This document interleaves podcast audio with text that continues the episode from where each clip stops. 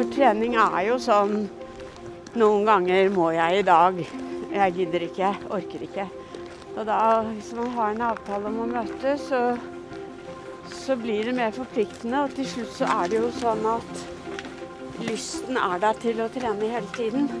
Det er jo det som er så fenomenalt. Det kommer neppe som noen overraskelse at fysisk aktivitet er viktig for alle, uansett alder. Men jo eldre man blir, jo flere utfordringer står i veien for å opprettholde eller bedre den fysiske formen.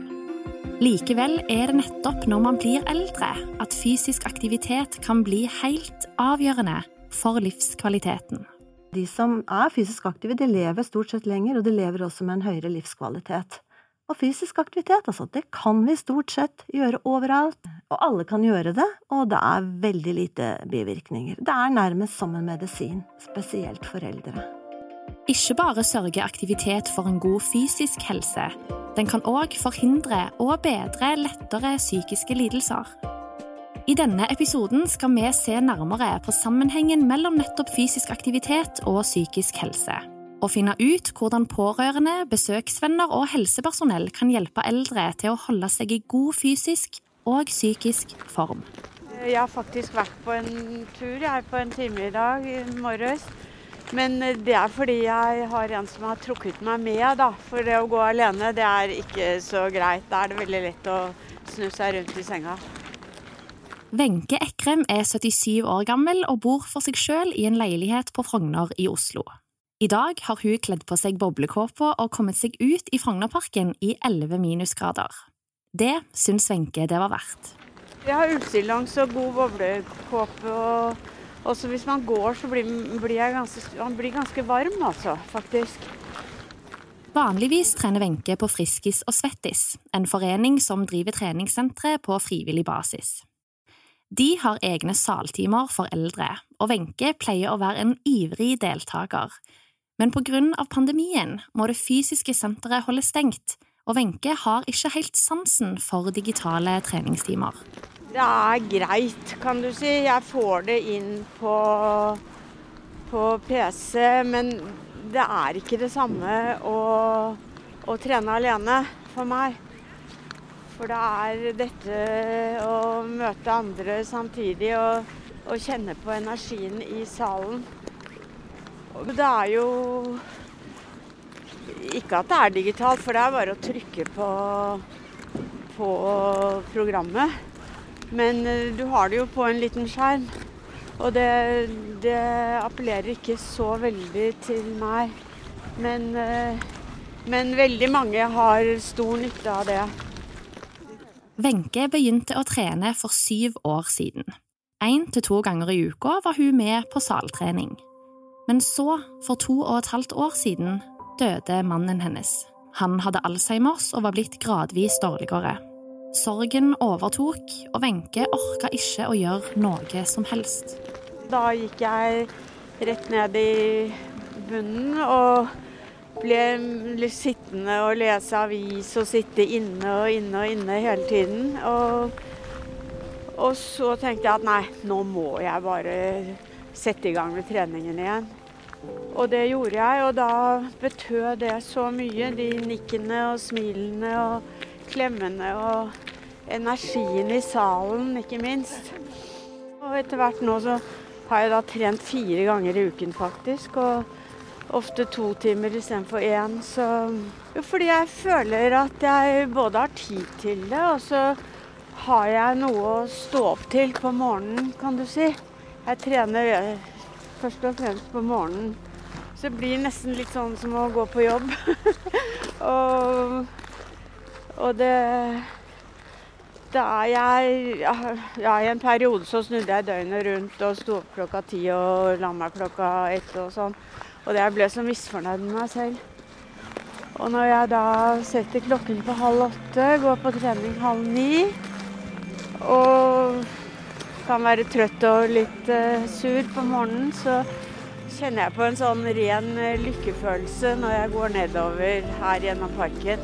Og da er jeg så fornøyd med meg selv. Og jeg føler hele Ikke bare kroppen, fysiske, men uh, selve psyken. Altså den stimuleres, og, og det er en veldig deilig opplevelse. Toril Moe er nylig pensjonert idrettspedagog. I over 40 år har hun jobba med sammenhengen mellom fysisk aktivitet og psykisk helse, blant annet som rådgiver for Helsedirektoratet. Hun sier at det å bli eldre ofte handler om å takle ulike former for tap. Det er klart, det å bli eldre, da kommer du inn i en fase av livet hvor på en måte mye endres, ikke minst tenker jeg i første rekke dette med at du slutter å arbeide. Eh, du mister kollegaer, du mangler den strukturen på dagen som du på en måte tidligere har hatt, opp om morgenen og komme hjem om kvelden. Og så er det jo ikke til å, å, komme bort fra at uh, det er noen kanskje i vennekretsen som dør, du har en partner som dør. Generelt i kroppen også så skjer det jo en del fysiske ting, som at musklene reduseres, generelt organene i kroppen reduseres, vi ser og hører uh, dårligere. Og ikke minst så får vi vel også en sånt redusert selvbilde, vi har ikke samme tro på oss selv, vi har ikke samme verdien i samfunnet. Vi må på en måte innse at eh, vi er på en måte over middagshøyden og ser at det er Vi må tenke annerledes enn det vi gjorde før. Og dette tenker jeg absolutt er eh, en årsak til at man blir deprimert, og kanskje også får angst, og ikke minst, tenker jeg, i forhold til dette med rus. Eh, som også er en stort problem, hvor mange nå mer kanskje trenger noe å både å sove på og for å glemme å komme litt bort fra det presset som de føler det er å bli ensom, ikke minst. Mm. Ha noe å stå opp til, helt avgjørende. For det er noe som aler eh, depresjon, angst og ikke minst behov for eh, rus, alkohol. Nettopp det der å snu døgnet på hodet og ikke få på en måte ha noen rytme, ikke ha noe å, å, som venter på deg, ikke noe å se frem til. Det er veldig uheldig. Det å bruke trening og fysisk aktivitet som en unnskyldning for å stå opp og treffe andre mennesker, sånn som Wenche har gjort, mener Toril er veldig positivt. I utgangspunktet så er vi jo sosiale vesener. Eh, mange enslige, eller mange eldre mennesker, de eh, føler på dette med ensomhet, isolasjon, tilbaketrekning, tiltaksløshet, manglende håp, manglende tro for fremtiden. Og dette å, å, vite at fysisk aktivitet, på en måte som jeg var inne på, ikke nødvendigvis bare er knyttet til det fysiske, men ikke minst kanskje det å tilrettelegge for at dette kan være en uh, sosial uh, tilnærming, hvor du kan være sammen med andre mennesker, et fellesskap, noen å snakke med, noen å gjøre noe sammen med. Jeg tror det er utrolig avgjørende for mange mennesker som ofte blir sittende hjemme og ikke ha samme program som man ellers hadde den tiden for eksempel man var i jobb. Det kjenner Wenche seg veldig igjen i. Fellesskapet på gruppetreningen har hatt stor verdi. Den har jo virkelig eh, betydd mye. For den har bare utvidet bekjentskapskretsen her. Og hver fredag så etter trening så tar vi og går på kafé og avslutter med det. Og veldig mange er alene, så, så, vi er liksom i samme situasjon. Så det er veldig sosialt, faktisk. Å trene én til to timer fire ganger i uka, sånn som Wenche har gjort de siste to årene, kan nok høres litt uoverkommelig ut for mange, både eldre og yngre. Men ifølge idrettspedagog Toril er det heller ikke nødvendig å trene så hardt eller lenge for at det skal ha en positiv effekt på den fysiske og psykiske helsen. Jeg tenker uansett det, at, at, det å ha en leveregel at uh, ingen dag uten trening, eller ingen dag kanskje enda mer bevisst, ingen dag uten aktivitet i en eller annen form. Fordi det er ikke sånn at man nødvendigvis skal snakke om trening hele tiden heller, men like mye dette med hverdagsaktiviteter, altså hva gjør du i hverdagen? At uh, istedenfor når du skal av gårde et eller annet sted og sørge for å bestille en, en drosje eller ta buss, hvorfor ikke gå? Altså prøve rett og slett å, å, benytte de mulighetene du har for å få til de daglige aktivitetene. Og generelt så tenker man at det skal være 150 minutter per uke. Eh, moderat aktivitet, eller alternativt 75 minutter i høyere, høyere intensitet. Det er klart at det er vanskelig for mange eldre kanskje å opprettholde akkurat den delen, men kanskje det som er enda viktigere når det gjelder eldre, det er dette med styrketrening og balansetrening. Rett og slett for å opprettholde det å kunne eksempel bo hjemme, kunne besøke folk, kunne gjøre det man, man uh, ønsker å gjøre. Og situasjonen er jo den at uh, ved å miste muskulatur, så blir det vanskeligere å klare å bruke beina sine. Og mange også har problemer i forhold til det hvis det er glatt føre. Hva gjør du da? Eh, brekker de lårhalsen, så får det mye større konsekvenser enn for kanskje andre som brekker lårhalsen. Ting leges saktere. Eh, ja. Eh, generelt så, så, er det vel sånn at man snakker mye om en halvtime per dag, at det er greit å, å gjøre. Og, er, og for eldre tenker jeg ja, oppretthold det. Oppretthold en halv time om dagen og eh, gjerne sammen med noen andre. Og putt også gjerne litt styrketrening og balansetrening inn i den delen av aktiviteten som du gjør. Å være helt inaktiv er det verste man kan gjøre, forteller Toril. All aktivitet er bedre enn ingen aktivitet, og man må jo ta utgangspunkt i, i funksjonsnivået til den enkelte og ikke presse de mer enn det de skal, men bare vit at sofaen og stillesitting er på en måte kroppens verste fiende. For å Hvis ikke du da på en måte må av en eller annen grunn være i ro. Så, men det er viktig. Er du redd for at du gjør for mye? Ja, ja, lytt til kroppen, og snakk med legen din, og sjekk. Og de aller fleste, de kan gjøre mer enn det de egentlig tror de kan gjøre. Spennende det man ser i forhold til hvordan man eh, nå tenker at eldre trenger mer fysisk aktivitet, nesten, enn det mange andre gjør, eller enn andre gjør. For sannheten er jo det at når man blir eldre, så, så blir man mer stillesittende, man blir mer inaktive. Og det er vel statistikk som viser at noen sitter opptil 90% av den tiden de er våkne. Eh, og det er klart at det vil jo føre til at du får redusert muskulatur, eh, fordøyelsen endres, hjertet pumper på en helt annen måte. Og jeg tenker at dette med å opprettholde denne fysiske aktiviteten, det er ikke så mye som skal til. Fysisk aktivitet har dessuten en direkte helende effekt på lettere psykiske lidelser, som mild til moderat depresjon og angst når man er fysisk aktiv, så produserer man en del stoffer. Et av stoffene er jo dette med endorfiner, for eksempel. Og endorfiner, det har jo den effekten at den, den reduserer angst og har en smertedempende eh, effekt, og man føler mer velvære. Eh, endorfiner kalles, kroppen, kalles, faktisk også kroppens eget morfin, og stoffet det blir i blodet lenge etter at du faktisk har trent.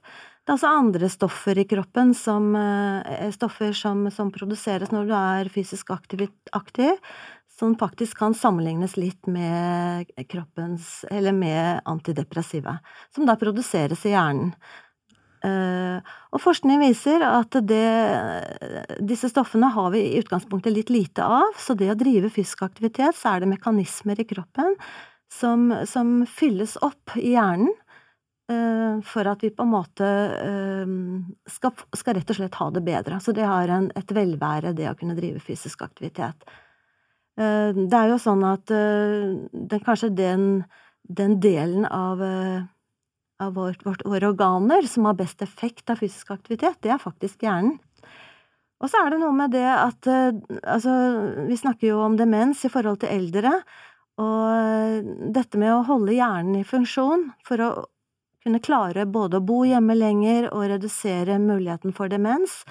Der har fysisk aktivitet kanskje noe av det som har best eh, forskning på, at det ser man man har effekt av. Og det kan selvfølgelig da bidra til at du får økt livskvalitet og kan bo hjemme lenger. Fysisk aktivitet kan òg ha positiv effekt på eldre med alvorlige psykiske lidelser. Sven Renberg er fysioterapeut ved alderspsykiatrisk avdeling på Ahus. Han holder styrke- og balansetreningsgrupper for pasienter som er innlagt og er alvorlig psykisk syke. At de har valgt styrke og balanse, er ikke tilfeldig. Det er vel en blanding av hva vi har lest av altså dokumentert forskning og litteratur på hva skal de eldre trene på. Eh, men det har jo også en del sånn praktiske eh, fordeler med f.eks. At vi um, kanskje i større grad klarer å um, følge, natur, altså følge treningslæreprinsipper når man har en sånn styrketrening, enn om f.eks. man skulle hatt en gågruppe hvor på en måte de med dårligst kapasitet hadde endt bakerst, og kanskje ikke nødvendigvis hadde syntes dette her var så veldig gøy. Så er på en måte en sånn styrketrening en sånn fin måte at uh, alle får på en måte det samme ut av treningen ved at vi kan dosere opp og dosere ned i forhold til eh, belastning og sånn. Og så er det jo eh, Det er jo sikkert litt sånn fysiogeek å si, men det er jo utrolig viktig dette med lår- og setesmuskulaturstyrke for faktisk å opp, eh, altså for å opprettholde en god gangfunksjon. Det er jo ofte pasientene sjøl ikke nødvendigvis eh, tenker over den linken der, men det er um, utrolig viktig for um, selvfølgelig også rent balanse, men det å, å, kunne bevege seg uh, trygt, så er, det liksom grunnen til at vi også har valgt den styrketreningsbiten. Men det er ikke bare bare å få pasientene til å delta i treningen. Sven og de andre fysioterapeutene jobber mye med å bygge motivasjon. Motivasjonsjobben er jo veldig utfordrende. Og er nok ikke lett å si om på en måte én ting som funker. Um, vi har jo det, det, er kanskje bra å identifisere de målene, små eller store, som den enkelte pasienten har. Det kan jo være, som jeg nevnte tidligere, det kan være liksom ønske om å kunne gå turer med barnebarn. Det kan jo være en motivasjonsfaktor nok. og eh, eller det med, som jeg nevnte, med å kvitte seg med rullator. Um, eller kunne for fru Hansen å bo hjemme, så må hun beherske trapp.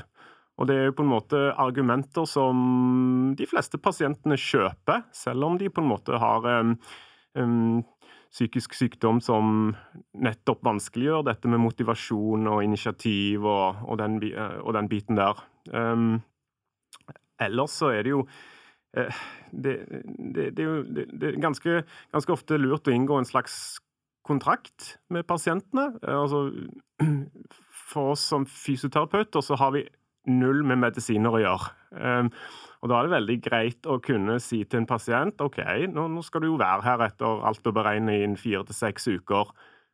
Um, hvis du tillater meg å mase bitte litt på deg om at du skal være med på den balansegruppen min, så skal jeg i retur kunne sannsynligvis gjøre deg litt stødigere, litt bedre til fots. og det er på en måte også et, et, argument som de fleste går med på, og som også de fleste syns er nyttig.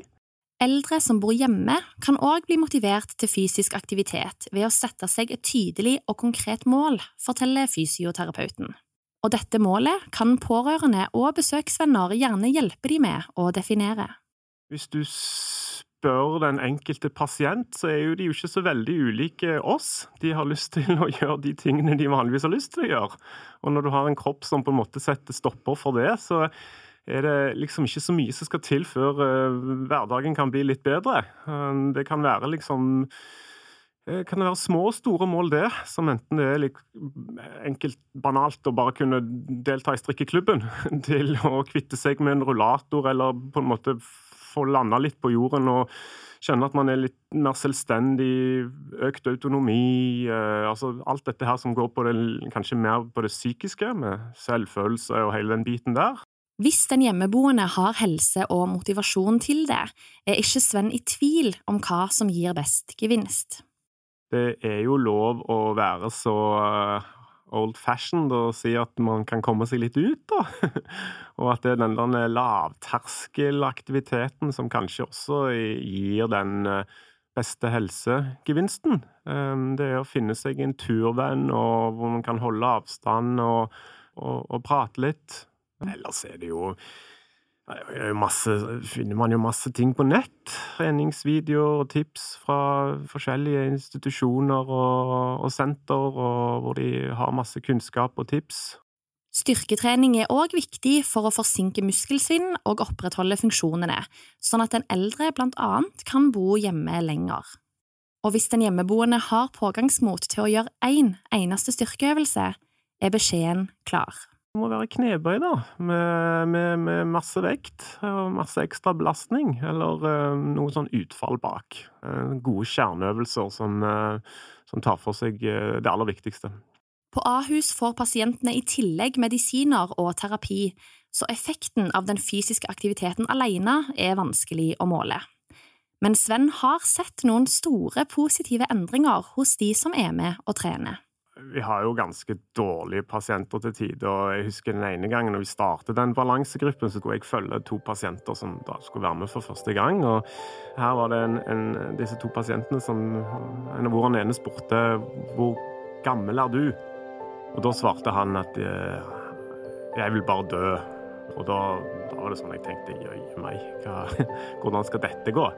Um, og, men med han så gikk det jo bedre etter hvert. Fra øvrige behandling han fikk hos oss. Og fortsatte jo på denne gruppetreningen og var jo en mann som kom i rullator, og som forlot den med parkert rullator. Og den samme person da ga på gruppetreningen et sånn veldig fint kompliment til en langvarig og veldig dårlig pasient. Så var det på en måte i gruppetreningssettingen hvor de eh, Altså hvor hun hadde utført ulike øvelser. og, og de andre pasientene de observerer jo og ser litt på hverandre og sammenligner seg nok ofte litt med sidemannen. Og da han her som var veldig dypt deprimert, skulle åpne munnen sin og si noe, så var jeg jo litt sånn Oi, hva er det nå som kommer? For jeg husker jo veldig godt denne her 'jeg vil dø, jeg vil dø'-kommentaren. Og da, da, var det han sa til denne kvinnelige pasienten at nei, hun, hun bevegde seg som en gaselle. Og da var det liksom Da var, da var det latter og smil og, og, og mye sånn eh, glede som du vanligvis gjerne ikke forbinder med en eh, alderspsykiatrisk avdeling. Komplimenter og oppmuntring er noe vi mennesker trenger hele livet, forteller idrettsterapeut Toril Moe. For det er ikke alltid så lett å motivere de eldre til å være mer aktive. Men Toril mener ros og tydelig oppfølging kan være triks for pårørende og besøksvenner, som vil bidra til å øke aktivitetsnivået. Det går også an å gjøre noen avtaler, tenker jeg, med eldre, for vi er jo litt sånn enkle, vi mennesker, at vi liker å få anerkjennelse og bli sett, og selv eldre gjør jo det. Altså, jeg har faktisk gjort det, eh, og det kunne liksom bevise det. Så gjennom enten at du har et skjema hvor du kan skrive opp eh, Det syns jeg du bør gjøre til neste gang. Og så kan du neste gang når du kommer på besøk, kan kanskje få en bekreftelse Men du vet hva det jeg har gjort. Å, så bra. Altså, vi liker å bli sett, vi liker å bli hørt, vi liker å bli anerkjent for det vi gjør. Eller også gjennom en telefon. Og kanskje spørre har du, har du vært aktiv i dag. Og det skal ofte ikke mer til, enten om de har gjort det, eller kanskje de gjør det i ettertid. Rett og slett av sånn litt sånn være flink-person, eller være flink-pike, som man ofte ser. Og jeg tror også eldre er opptatt av det. Å bli, eh, bli sett av de andre, altså bli sett av andre og føle at de på en måte kan yte noe, tror jeg er viktig for mange. Toril og Sven er begge enige om at det å gå mens man snakker, er kjempelurt. Og man trenger heller ikke å gå langt, forteller Toril. Istedenfor å bare sette seg ned og, og snakke og, og ta en kaffekopp, så kan man kanskje heller Gå en tur i oppgangen, gå i trappen, kanskje gå en tur rundt huset, og snakke sammen eh, samtidig. For ofte så er igjen, vi var inne på dette med den sosiale delen også, som er veldig viktig for, denne, denne, for de eldre, å ha noen å snakke med. Og jeg tenker når det gjelder de som kommer på besøk, og også pårørende, å vite bevisst, for, bevisst på det at de sitter så mye, så hvis Kanskje det er den eneste tidspunktet hvor du får de til å være aktive. Men det er ikke alle det er så lett å få med på denne fysiske aktiviteten. Ifølge Toril gjelder det da å sette seg inn i hvor denne motstanden kommer fra, og så gradvis forsøke å dyrke frem motivasjonen. Vi rundt kan hjelpe de, men det er egentlig de selv som må gjøre det. Altså, jeg kan ikke gjøre aktiviteten for deg. Jeg kan gjøre den sammen med deg, men jeg kan ikke gjøre den for deg, og det må du være bevisst på. Men man skal kanskje også gå inn på og tenke hvorfor vil jeg ikke drive fysisk aktivitet? Altså er det noen bakenforliggende ting som kan være årsaken til at, vi, at vedkommende ikke vil drive fysisk aktivitet? Og jeg tenker den gode dialogen som du kan få til der, vi som er bevisst på hvor viktig fysisk aktivitet, må være forbilder, og vi må tenke gjennom ikke bare den fysiske aktiviteten i seg selv, men også være bevisst på hvorfor vedkommende ikke eh, vil være fysisk aktiv, og kanskje finne en liten sånn spire til å, at de selv må skjønne at det er faktisk deres egen innsats og deres egen vilje som til syvende og sist vil være avgjørende for resultatet, og kanskje lengden på livet deres og lengden på tiden man kan bo hjemme. Og hvis ingenting annet fungerer eller inspirerer, anbefaler Toril å sette på litt musikk. Vi ser jo det bare at man kan sette på noe musikk som stimulerer, så får du lyst til å løfte armer og strekke litt på armene, kanskje trampe litt med bena. Det skal så lite til hvis de stort sett ellers sitter 90% stille i en stol. Men under en global pandemi er det ikke så lett å få gjort ting sammen på samme måte som tidligere. Likevel er det mye som er mulig med god tilrettelegging. Men må man jo også under fysisk aktivitet tenke på akkurat det samme som er retningslinjer, nemlig dette med å holde avstand, vaske hender og være færre sammen. Ellers så vil jeg fremheve dette med å gå tur. Eh, det er enkelt, ukomplisert, og jeg tenker for noen, hvis man skal organisere det, at man prøver å lage noen kohorter så man kan være sammen og vite at du er sammen med andre som er friske, og eh, gjøre avtaler, rett og slett ha daglige avtaler som man opprettholder. Og turene de kan gjerne være, være varierte, og det viser seg jo det at eh, moderat fysisk aktivitet er greit nok, men hvis du klarer å gå litt raskere, litt, høy, litt lengre, så har det også enda bedre eh, helseeffekt. Tilbake i Frognerparken er Wenche snart ferdig med dagens andre tur. Selv om det har blitt mange hyggelige gåturer i løpet av pandemien, bl.a. med folk hun kjenner fra treningen på Friskis og Svettis, lengter Wenche tilbake til sin gamle rutine. Jeg har jo savnet det veldig.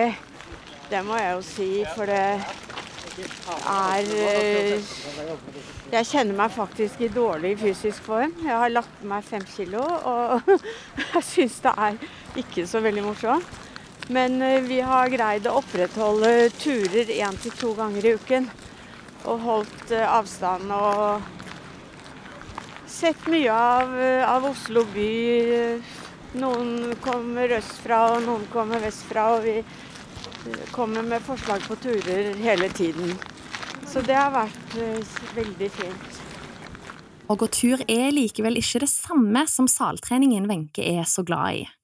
Men deprimert har hun ikke blitt, selv om det kanskje først og fremst skyldes en positiv livshendelse. Jo Ja, det har fått en kjæreste. Så vi har jo da vært sammen et år nå. Og det har jo betydd veldig, veldig mye for meg. Det må jeg jo si. Det er jo Det var han som dro meg med i dag morges. så Da hadde jeg bare lyst til å bli sittende i sofaen og lese avisen. Så sa han at nei, nå går vi en time. Hadde det ikke vært for forelskelsen, tror Wenche det ville gått mye verre. Ja, da hadde jeg jo hatt det helt annerledes. Nå kan vi jo se en film sammen. Vi kan lese høyt for hverandre i, i bøker. Vi kan diskutere ting. Vi har det morsomt sammen. Vi lager Han er kjempegod til å lage mat. Og, det er spennende. Og det Nei, da hadde det blitt mye stillesitting, altså. Og da Da tror jeg jeg hadde gått ned i kjelleren sånn som jeg gjorde etter jeg mistet min mann. Da ble jeg veldig sånn satt ut og orket ingenting. Og det det kunne vel skjedd nå også, faktisk.